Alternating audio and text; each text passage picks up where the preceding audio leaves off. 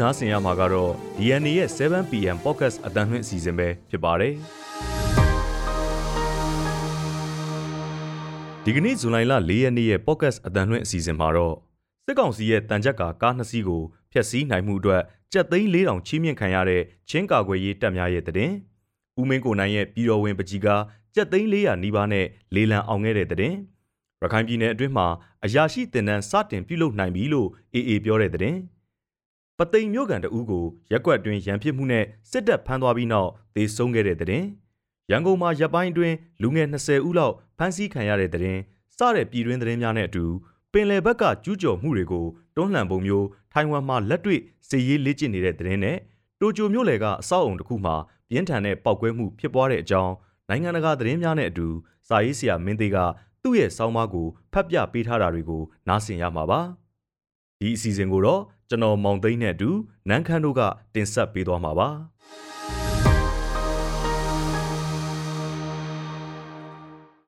အခုပြည်တွင်းသတင်းတွေကိုတင်ဆက်ပေးပါမယ်ပထမအဦးဆုံးတင်ဆက်ပေးခြင်းတဲ့အကြောင်းအရာကတော့စစ်ကောင်စီတန်ချက်ကကားနှစ်စီးကိုဖျက်ဆီးနိုင်မှုအတွက်ကြက်သိန်း၄000ချင်းမြင့်ခံရတဲ့ချင်းကာကွယ်ရေးတပ်ဖွဲ့များဆိုတဲ့အကြောင်းကိုပြောပြပေးပါမယ်။စစ်ကောင်စီရဲ့တန်ချက်ကကားနှစ်စီးကိုတိုက်ခိုက်ဖျက်ဆီးနိုင်ခဲ့တဲ့ ချင်းတော်လန်ရေးအင်အားစုတွေကိုစုစုပေါင်းကြက်သိန်း၄000ချင်းမြင့်လိုက်တယ်လို့အမျိုးသားညီညွတ်ရေးအစိုးရ NUG ကဒီကနေ့မှပြောပါရယ်။ချင်းတော်လန်ရေးအင်အားစုတွေကစစ်အုပ်စုရဲ့တန်ချက်ကရင်နှစ်စီးကိုချေမုံဖျက်ဆီးနိုင်ခဲ့ကြောင်းအထောက်အထားတွေနဲ့တကွတင်ပြလာတာကြောင့်စီစစ်အတီးပြုတ်ပြီးတဲ့နောက်မှာဒီကနေ့ပြုလုပ်ခဲ့တဲ့ NUG အစိုးရအဖွဲ့အစည်းအဝေးမှာစုကျင်းငွေချီးမြှင့်လိုက်တာလို့သိရပါဗျ။ချင်းပြည်နယ်ဖလန်းဟာခါလမ်းပေါ်ကချွန်ကျုံရွာအနီးမှာ အခုနှစ်ဧပြီလအတွင်းစစ်ကောင်စီနဲ့ချင်းကာကွယ်ရေးတပ်တို့တိုက်ပွဲတွေအတွင်းတန်ချက်ကကားနှစ်စီးပါဝင်တဲ့ရင်တန်းတိုက်ခိုက်ခံရပြီးစစ်ကောင်စီဖက်ကအထိနာခဲ့တာပါ။ချင်းကာကွယ်ရေးတပ်တွေဟာချင်းတောင်ပေါ်တက်လာတဲ့စစ်ကောင်စီရင်တန်းတွေကိုအကြိမ်တိုင်းမှာတိုက်ခိုက်နိုင်ခဲ့ကြပြီးချွန်ကျုံရွာတိုက်ပွဲကတော့ရင်တန်းတစ်ခုလုံးနှိပါတိုက်ခိုက်ဖျက်ဆီးနိုင်ခဲ့တဲ့တိုက်ပွဲအဖြစ်ထင်ရှားပါတယ်။ဒီသတင်းကိုကြားရချိန်တော့ကကျွန်တော်တို့အားလုံးအံ့ဩဝမ်းသာဖြစ်ခဲ့ပြီးတော်လန်ရေးအတွက်လည်းတကယ်ကိုအားတက်ခဲ့ရပါတယ်လို့ NUG အစိုးရအဖွဲ့ပြည်ထောင်စုဝန်ကြီးချုပ်မန်ဝင်းခိုင်တန်းကဒီကနေ့အစည်းအဝေးမှာပြောပါတယ်။ဒါအပြင်ယာယီတမ်ဒဒူဝါလက်ရှိလာကလည်းနှွေဦးတော်လန်ရေးကာလအတွင်းချင်းကာကွယ်ရေးတပ်ဖွဲ့တွေရဲ့ခုခံဒေါ်လန်တိုက်ခိုက်မှုတွေနဲ့ပတ်သက်လို့ဂုံပြူစကားပြောခဲ့ပါသေးတယ်။တက်ကောင်စီကအသုံးပြုနေတဲ့လေရင်ရဟတ်ရင်စက်ရန်တရားတွေနဲ့အတူစီဒီအမ်ပြုလုပ်လာရင်ဒါမှမဟုတ်ချိန်မုံဖြက်စီးခဲ့ရင်တက်မတ်စုကြီးငွေတွေအသီးသီးပေးမယ်လို့ NUG က2022ခုနှစ်ဧပြီလဆန်းမှာထုတ်ပြန်ခဲ့ပါတယ်။အဲ့ဒီထုတ်ပြန်ချက်အရအမြင့်ပြင်းထိုးဆက်မှအသုံးပြုတဲ့တိန်ကတန်ချက်ကရင်တွေကိုပြန်လဲအသုံးပြုလို့မရတဲ့အထိပြစ်ခတ်ချိန်မုံနိုင်ရင်တစည်းအတွက်စုငွေအမေရိကန်ဒေါ်လာ3သိန်းဒါမှမဟုတ်ကျပ်သိန်း2000စီချင်းမြင့်မယ်လို့ဖော်ပြထားပါတယ်။ဒုတိယသတင်းတစ်ပုဒ်အနေနဲ့ဦးမင်းကိုနိုင်ရဲ့ပြည်တော်ဝင်ပကြီးကကျပ်သိန်း400နီးပါးနဲ့လေးလံအောင်ခဲ့တဲ့သတင်းကိုပြောပြပေးပါမယ်။ မန္တလေးပြည်သူ့ကာကွယ်ရေးတပ်ဖွဲ့ရန်မုံငွေအတွက်ပြုလုပ်တဲ့ပြည်တော်ဝင်ကမ်ပိန်းအတွက်ဦးမင်းကိုနိုင်ရဲ့ပြည်တော်ဝင်ပကြီးကလေးလံတင်ရောင်းချရာမှာအမေရိကန်ဒေါ်လာ12345မြန်မာကျပ်ငွေ3400နီးပါးနဲ့ဝယ်ယူသွားခဲ့တယ်လို့သိရပါဗျ။ပြီးခဲ့တဲ့ဇွန်လပထမပတ်ကစပြီးမန္တလေးပြည်သူ့ကာကွယ်ရေးတပ်ဖွဲ့ရန်မုံငွေအတွက်ပြည်တော်ဝင်ကမ်ပိန်းကိုစတင်နှိုးဆော်ခဲ့ကြတာဖြစ်ပြီး လူလူခေါင်းဆောင်ဒေါ်အောင်ဆန်းစုကြည်ရဲ့မွေးနေ့အထိကမ်ပိန်းကိုနောက်ဆုံးသတ်မှတ်ခဲ့ကြပေမဲ့သတ်မှတ်ရမတိုင်ခင်မှာပဲကမ်ပိန်းရည်ရွယ်ချက်ဖြစ်တဲ့သိန်း4000နီးပါးပြည့်ခဲ့တာဖြစ်တယ်လို့လည်းဥဆောင်သူတွေကဆိုပါတယ်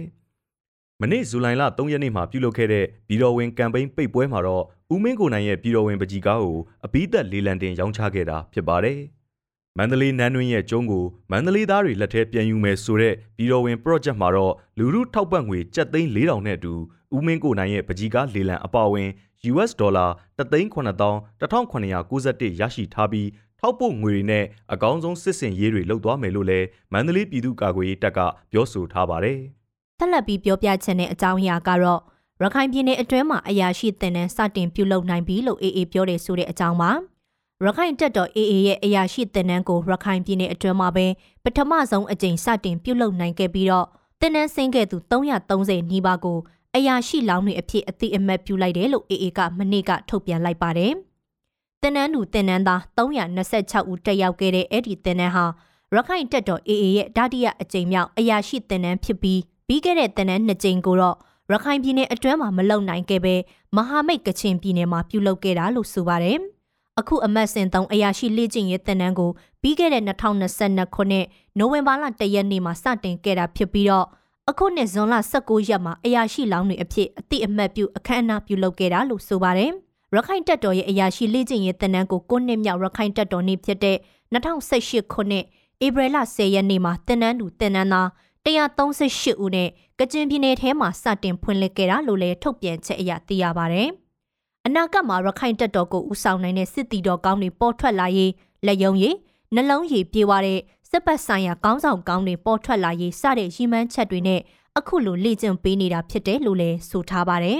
။နောက်ထပ်သတင်းတစ်ပုဒ်အနေနဲ့ပသိမ်မျိုးကန်တဦးကိုရက်ကွက်အတွင်းရန်ဖြစ်မှုနဲ့စစ်တပ်ဖမ်းသွားပြီးတဲ့နောက်ဒေဆုံးသွားခဲ့တဲ့သတင်းကိုပြောပြပေးပါမယ်။အေယာဝတီတိုင်းပသိမ်မျိုးနယ်အမှတ်၈ရက်ကွက်ထဲမှာနေထိုင်တဲ့ကိုနေမျိုးထက်ကိုရက်ကွက်အတွင်းရန်ဖြစ်တယ်ဆိုပြီးစစ်ကောင်စီတပ်သားတွေကပြီးခဲ့တဲ့ဇူလိုင်လ2ရက်နေ့မှာဖမ်းဆီးသွားပြီးနောက်ရိုက်နှက်ခံရပြီးတေဆုံးသွားခဲ့တယ်လို့မိသားစုနဲ့နှီးဆက်သူတွေကပြောပါတယ်။ ရက်ကွက်အတွင်းစပိန်စီးလာသူတဦးနဲ့ဆိုင်ကယ်မောင်းလာတဲ့ကိုနေမျိုးထက်ကိုဇွန်လ2ရက်ကရင်မတော်တဆဖြစ်ပွားရာကနေစကားများရန်ဖြစ်ခဲ့ပြီးတဲ့နောက်တိုင်တန်းလို့ကိုနေမျိုးထက်ကိုစစ်ကောင်စီကလာရောက်ဖမ်းဆီးသွားတာဖြစ်တယ်လို့ဆိုပါတယ်။အသက်48နှစ်အရွယ်ရှိပြီဖြစ်တဲ့ကိုနေမျိုးထက်ကိုလာရောက်ဖမ်းဆီးချိန်ကလေးကလည်းရိုက်နှက်မှုတွေရှိတဲ့အကြောင်းမျိုးကန်တွေရဲ့ပြောဆိုချက်အရသိရပါတယ်။သေးယုံရောက်လာကလေးကအသက်မရှိတော့တာရိုက်ထားတာမြင်မကောင်းဘူး ပါဇက်နဲ့နှာခေါင်းမှာလည်းသွေးတွေထွက်နေတယ်လို့ပသိမ်စေးယုံကဝန်ထမ်းတူက DNA ကိုပြောပါတယ်။တေဆုံးသူကိုနေမျိုးထက်ရဲ့ရုပ်အလောင်းကိုမနေ့ဇွန်လလ3ရက်ညနေပိုင်းမှာမိသားစုတွေစီပြန်ပေးခဲ့ပြီးညပိုင်းမှာပဲမိသားစုတွေကိုစစ်ကောင်စီတပ်တွေကအားချင်းမိသစီကိုခိုင်းခဲ့တယ်လို့လည်းဆက်သိရပါဗျ။ပြည်တွင်းမှာဆက်အနာသိမ်းပြီးနောက်စစ်ကောင်စီတပ်တွေကနိုင်ငံတော်ဝန်မှာပုံစံမျိုးစုံနဲ့ဖမ်းဆီးခဲ့သူပေါင်း23,651ယောက်ရှိပြီးအဲ့ဒီထဲက19,000ကျော်ဟာလက်ရှိအချိန်ထိဖမ်းဆီးခံထားရဆဲပါ။ ဒါအပြင်အာနာသိမ်းပြီးနောက်စစ်ကောင်စီလက်ချက်နဲ့တေဆုံးခဲ့သူ4000နီးပါးတွေကသုံးပုံတပုံလူဦးရေ1300နီးပါးဟာဖမ်းဆီးခံထားရခြင်းအတွင်းသေဆုံးခဲ့တာလို့နိုင်ငံရေးအကျဉ်းသားများကူညီစောင့်ရှောက်ရေးအသင်း AAPP ကထုတ်ပြန်ထားပါတယ်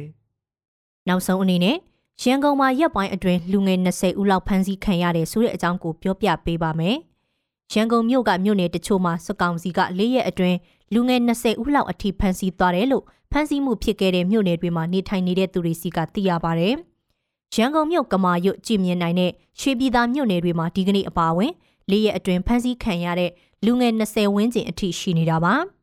လူမှုကွန်ရက်စာမျက်နှာမှာနိုင်ငံရေး post တင်တဲ့ဆိုတဲ့ဆွဆွဲချက်နဲ့စက်ကောင်စီတပ်ကဒီကနေ့မနက်ပိုင်းမှာရွှေပြည်သာမြို့နယ်တန်တင်းအမတ်16ရက်ကွက်မှာနေထိုင်တဲ့လူငယ်9ဦးကိုဖမ်းဆီးသွားတယ်လို့အဲ့ဒီရက်ကွက်မှာနေထိုင်သူတဦးကပြောပါတယ်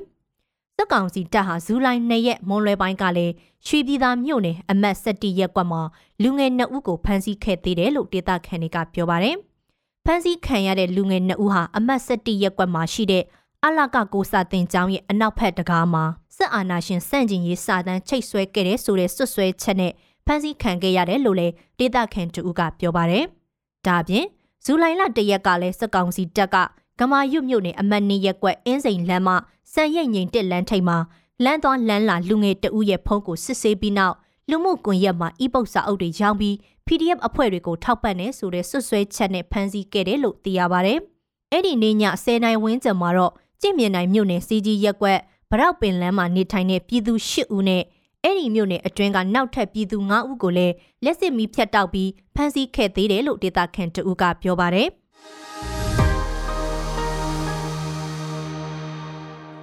လက်ပြီးတော့နိုင်ငံတကာသတင်းတွေကိုကိုမောင်တင်းကတင်ဆက်ပေးပါမယ်။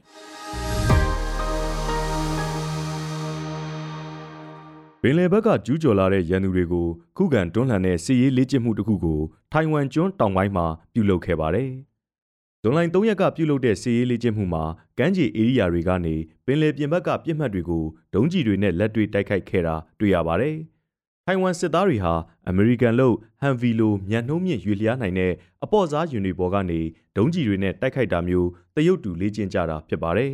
။တရုတ်ရဲ့တင်းမာမှုတွေမြင့်တက်လာတဲ့အခြေအနေမှာထိုင်ဝမ်ကကျူးကျော်သူတွေကိုတွန်းလှန်ပုံစစ်ရေးလေ့ကျင့်မှုတွေကိုမကြာခဏလှုပ်ဆောင်လာခဲ့ပါတယ်။တရုတ်ဟာထိုင်ဝမ်ကျွန်းကိုပိုင်နက်နယ်မြေအဖြစ်သတ်မှတ်ထားပြီးလိုအပ်လာရင်စစ်ရေးအရာတိုက်ခိုက်သိမ်းယူဖို့လဲတွန့်ဆုတ်နေမှာမဟုတ်ကြောင်းချိန်ချောက်ထားပါတယ်။ ဒီမိုကရေစီထွန်းကားတဲ့ထိုင်ဝမ်ကတော့ကိုယ်ပိုင်တိကျရည်တည်မှုကိုသာလိုလားနေပါတယ်။အခုစစ်ရေးလေ့ကျင့်မှုမှာတော့ဟန်ဗီအပေါ့စားတည်ယူပို့ဆောင်ရေးစစ်သုံးရင်တွေဟာကမ်းရိုးတန်းတစ်လျှောက်ကလမ်းမတွေမှာနေရာစုံရွေလျားရင်းရေပြင်ကပြစ်မှတ်တွေကိုတင့်ဖြတ်ဒုံးကြီးတွေနဲ့ခြေမှုန်းပစ်ခတ်ခဲ့ကြပါတယ်။ပင်တန်ခရိုင်ထဲကဟောင်ကောင်ကျွန်းရဲ့တောင်ဘက်စွန်းအပိုင်းလို့ဆိုရမယ်ဖန်ရှမ်းဧရိယာမှာအဲ့ဒီစီရေးလေ့ကျင့်မှုကိုပြုလုပ်ခဲ့တာပါ။ပင်တန်ဟာထိုင်ဝမ်ရေလက်ကြားပစိဖိတ်သမုဒ္ဒရာတို့အပြင်ထိုင်ဝမ်နဲ့ဖိလစ်ပိုင်ကိုပိုင်းခြားထားရာ ဘာရှိရေလက်ကြားနဲ့ပါဆက်ဆက်နေတာကြောင့်ပထဝီအနေထားရအချက်ချာကြတဲ့မဟာဗျူဟာနယ်မြေဖြစ်တည်ရှိနေပါတယ်။ဂျပန်နိုင်ငံတိုကျိုမြို့လယ်မှာအဆောက်အုံတစ်ခုအပြင်းထန်ပောက်ကွဲမှုဖြစ်ပွားပြီးလူတချို့ထိခိုက်ဒဏ်ရာရခဲ့ပါတယ်။လုံခြုံရေးကင်မရာမှတ်တမ်းတွေအရဇွန်လ3ရက်နေ့မှာအဆောက်အုံပထမတက်ကနေအပြင်းထန်ပောက်ကွဲပြီးအပျက်စီးအစအနတွေလွင့်စင်လာလို့လမ်းသွားလမ်းလာတွေအလံတကြားထွက်ပြေးကြတာကိုတွေ့ရပါတယ်။ ပောက်ကွဲမှုကြောင့်လူလေးဦးဒဏ်ရာရပြီး၃ဦးရဲ့အခြေအနေကပြင်းထန်ပေမဲ့တည်တည်ငြိမ်ငြိမ်ရှိကြကြောင်းကယ်ဆယ်ရေးတွေကပြောပါတယ်။ပောက်ကွဲမှုဖြစ်ပွားခဲ့တဲ့အခန်းမှာမီးဆွဲလောင်ပြီးမီးခိုးတွေဥထွက်နေတာကိုလည်းတွေ့ရပါတယ်။ပောက်ကွဲမှုဖြစ်ပွားရတဲ့အကြောင်းရင်းကိုတိတိကျကျမသိရသေးပေမဲ့အဲ့ဒီဖြစ်စဉ်မတိုင်ခင်အနီးတစ်ဝိုက်မှာဓာတ်ငွေတစ်မျိုးအနက်တွေပြန့်နှံ့နေခဲ့တယ်လို့ဒေသခံတွေကဆိုပါတယ်။ပောက်ကွဲတဲ့အရှိန်ကပြင်းထန်လွန်းလို့ပေါင်ဝင်းကျင်ရက်ကွက်တစ်ခုလုံးတိမ့်တိမ့်တုန်သွားခဲ့တယ်လို့လည်းသိရပါတယ်။ အခင်းဖြစ်တဲ့နေရာဟာမြို့လယ်ပူတာတစ်ခုနားမှာတည်ရှိပြီးဘားတွေစားတောက်ဆိုင်တွေဖွင့်လှစ်ထားသလိုလူသွားလူလာများပြားစီကားပါတယ်။ဒါပေမဲ့ကံအားလျော်စွာပဲပောက်ကွဲမှုဖြစ်တုန်းကအဲ့ဒီနေရာမှာလူနှဲနှဲကျဲနေလို့အထိအခိုက်နေပါခဲ့ပါတယ်။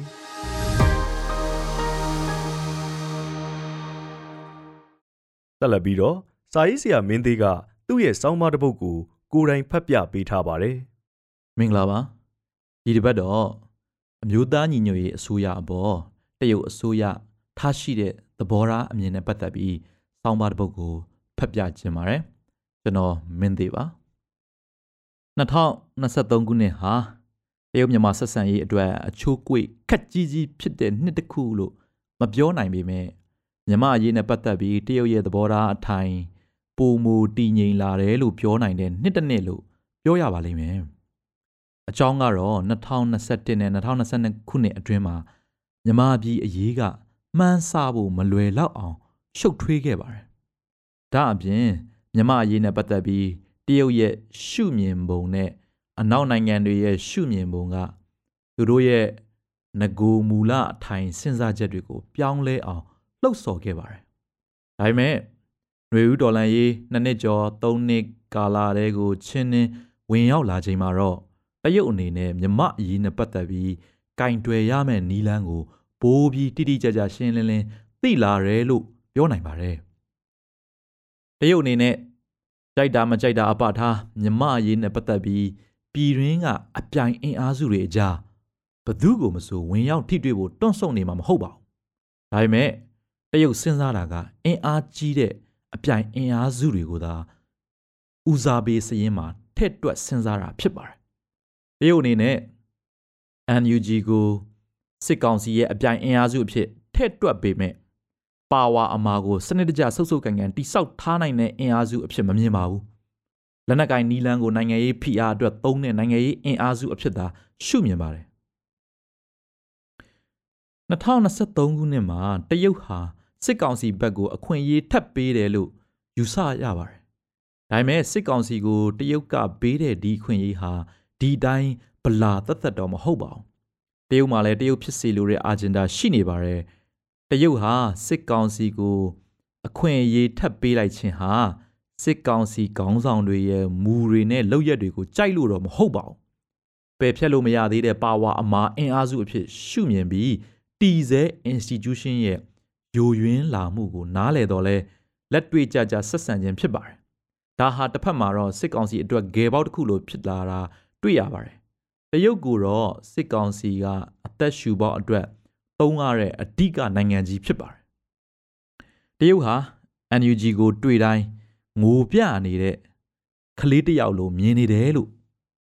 ပြောကြပါတယ်။တကယ်တော့တရုတ်ဟာ NUG ကိုအရွယ်မရောက်သေးတဲ့ကလေးတယောက်လိုသဘောထားတာတွေ့ရပါတယ်။တရုတ်ရဲ့နိုင်ငံရေးမူဝါဒလမ်းစဉ်နဲ့ NUG ရဲ့နိုင်ငံရေးဥတီချက်ဟာဖီလာဆန့်ကျင်ဘက်လိုဖြစ်နေပါတယ်။တရုတ်ဟာ တပါတီကွန်မြူနစ်ဗဟိုနိုင်ငံတော်တစ်ခုဖြစ်ပြီး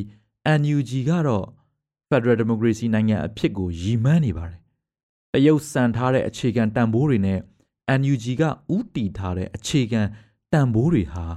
အခြေခံဓာတ်သဘောအဖြစ်မတူပါဘူးဒါကြောင့်အခြေခံဓာတ်မတူတာဖြစ်လို့တရုတ်အနေနဲ့ NUG ကိုနိုင်ငံရေးအရာထောက်ခံဖို့ဆိုတာမှာပြဿနာရှိနေပါတယ်။ဒါကြောင့်လဲယိုယွင်းနေပေမဲ့တီဇဲစစ်တပ် institution နဲ့ ဆက်လက်အလုပ်လုပ်သွားမယ်ဆိုတဲ့သဘောထားနဲ့လက်တွေ့ကြကြဆက်လက်ရှောက်လန်းမယ်လို့ယူဆဟန်တူပါတယ်စစ်ကောင်စီဟာတရုတ်တနိုင်ငံတည်းနဲ့အကိုကြီးညီလေးဆက်ဆံရေးကိုတိဆောက်နိုင်လိုက်တာနဲ့စစ်ကောင်စီအတွက်နိုင်ငံရေးအသက်ရှူပေါက်ကြဲကြဲရထားလိုက်ပြီလို့ပြောနိုင်ပါတယ်တရုတ်အနေနဲ့လည်းသူနဲ့ရေရှည်ဆက်ဆံလာတဲ့မြန်မာစစ်တပ်ကိုအလွယ်တကူစရင်တွေကဖယ်မထုတ်ချင်သေးပါဘူးဒါပေမဲ့ လက်ရှိမြန်မာစစ်ကောင်းဆောင်တွေရဲ့လောက်ရက်တဲ့သဘောထားကိုလည်းမနစ်သက်ပါဘူးအထူးသဖြင့်မြန်မာစစ်ကောင်းဆောင်တွေရဲ့သဘောထားနဲ့လောက်ရက်တွေဟာမြန်မာပြည်တွင်းမှာတရုတ်အတွက်လောက်ရကင်ရကြက်တဲအောင်ပြဿနာတွေအစ်စ်မွေးထုတ်နေတယ်လို့ဖြစ်နေပါတယ်ဒါကိုတရုတ်ကထိန်းကျင်ပေမဲ့လောလောဆယ်တရုတ်ကထိန်းလို့မရသေးပါဘူးဒါကြောင့်စစ်ကောင်စီကိုအခွင့်အရေးထပ်ပေးပြီးတော့သူ့လက်သူ့ချီပြန်လဲဖြစ်နိုင်ရေးကိုကြိုးပမ်းလာတယ်လို့ပြောနိုင်ပါတယ်တရုတ်အနေနဲ့ မြန်မာပြည်ကိုအဓိကအာရုံကျတာကအချက်နှစ်ချက်ရှိမယ်လို့ယူဆနိုင်ပါတယ်နံပါတ်1ပထဝီနိုင်ငံရေးကိစ္စဖြစ်ပြီးနံပါတ်2ကတော့စီးပွားရေးကိစ္စဖြစ်ပါတယ်တရုတ်အနေနဲ့မြန်မာပြည်အရေးမှာသူ့ရဲ့အကျိုးစီးပွားဟာပထဝီနိုင်ငံရေးနဲ့စီးပွားရေးစီမံကိန်းတွေအပေါ်မှာပိုအာရုံကျတဲ့သဘောရှိပါတယ်ဒါကြောင့်မြေပြင်မှာပါဝါထိုင်ထားနိုင်တဲ့လက်နက်ကင်အင်အားစုတွေနဲ့လက်ကမ်းမပြတ်ဆက်ဆံရေးရှိထားဖို့တ ရုတ်ကအမြဲအာရုံစိုက်ထားတာတွေ့ရပါတယ်ဒီသဘောထားဟာမြမနိုင်ငံရေးနဲ့ຫນွေဦးတော်လန်ရေးရဲ့လက်နက်ကင်လမ်းစဉ်အတိတ်ညွတ်အပေါ်မှာလွှမ်းမိုးတက်ရောက်မှုရှိပါတယ်အနောက်နိုင်ငံတွေရဲ့သဘောထားကတော့ NUG ကိုမူကိုအခြေခံတဲ့ဆက်ဆံရေးလမ်းကြောင်းဖြစ်ထွန်းစေတာတွေ့ရပါတယ်ဒါအပြင်နိုင်ငံရေးနီးအားဖြင့်အနောက်နိုင်ငံတွေနဲ့ကောင်းမွန်သောနိုင်ငံရေးယာတီဥထုရှိထားရေးကိုလှုံ့ဆော်နေတာတွေ့ရပါတယ် ဒါပေမဲ့မူအားဖြင့်အတိမတ်ပြုထောက်ခံခြင်းကိုပြုတော်လဲ NUG လက်အောက်က PDF ကိုတော့အနောက်နိုင်ငံတွေကသိတ်လိုလားနှိမ့်ညို့တာမတွေ့ရပါဘူးအထူးသဖြင့်အမေရိကန်က NUG ကိုမူအားဖြင့်နိုင်ငံရေးအရာအတိမတ်ပြုလက်ခံပေမဲ့ NUG လက်အောက်က PDF ကိုတော့မကြိုက်ပါဘူးဒါဟာအနောက်နိုင်ငံတွေထားတဲ့ဒီမိုကရေစီနဲ့လူ့အခွင့်အရေးမူတွေနဲ့ညှိစွန်းနေတယ်လို့ယူဆဟန်တူပါတယ်လက်ရှိမြန်မာနိုင်ငံအ တွင်းမှာလက်နက်ကင်တိုက်ပွဲအခြေအနေဟာအကြောင်းပေါင်းစုံနဲ့ပြုပြင်စီရင်ခြင်းကိုခံနေရပါတယ်။ဒါကိုပိုကောင်းသောရလဒ်တွေထွက်လာစေဖို့ဆိုတာပြည်တွင်းကနိုင်ငံရေးအခြေအနေနဲ့ပြည်ပကနိုင်ငံရေးအခြေအနေကိုပေါင်းကူးပေးနိုင်ခြင်းအပေါ်မှာမူတည်နေပါတယ်။လောလောဆယ်အားဖြင့်တော့ຫນွေဦးတော်လန်ရေးရဲ့လက်နက်ကင်တော်လန်ရေးရှောက်လန်းဟာပြည်တွင်းမှာတီးခြားအခြေအနေတည်းရရှိနေပြီးပြည်ပနဲ့နိုင်ငံတကာမှာတော့တီးသန့်အခြေအနေတည်းရရှိနေတာတွေ့ရပါတယ် ဒီလိုပြည်တွင်းနဲ့ပြည်ပအကြားတီးခြားစီဖြစ်ထွန်းနေတဲ့အခြေအနေနှစ်ရက်ကိုဘယ်နိုင်ငံရေးခေါင်းဆောင်ကမှစွဲကပ်အောင် မလုံနိုင်သေးတာထင်ရှားပါကြောင်းတင်ပြလိုက်ရပါတယ်ခင်ဗျာ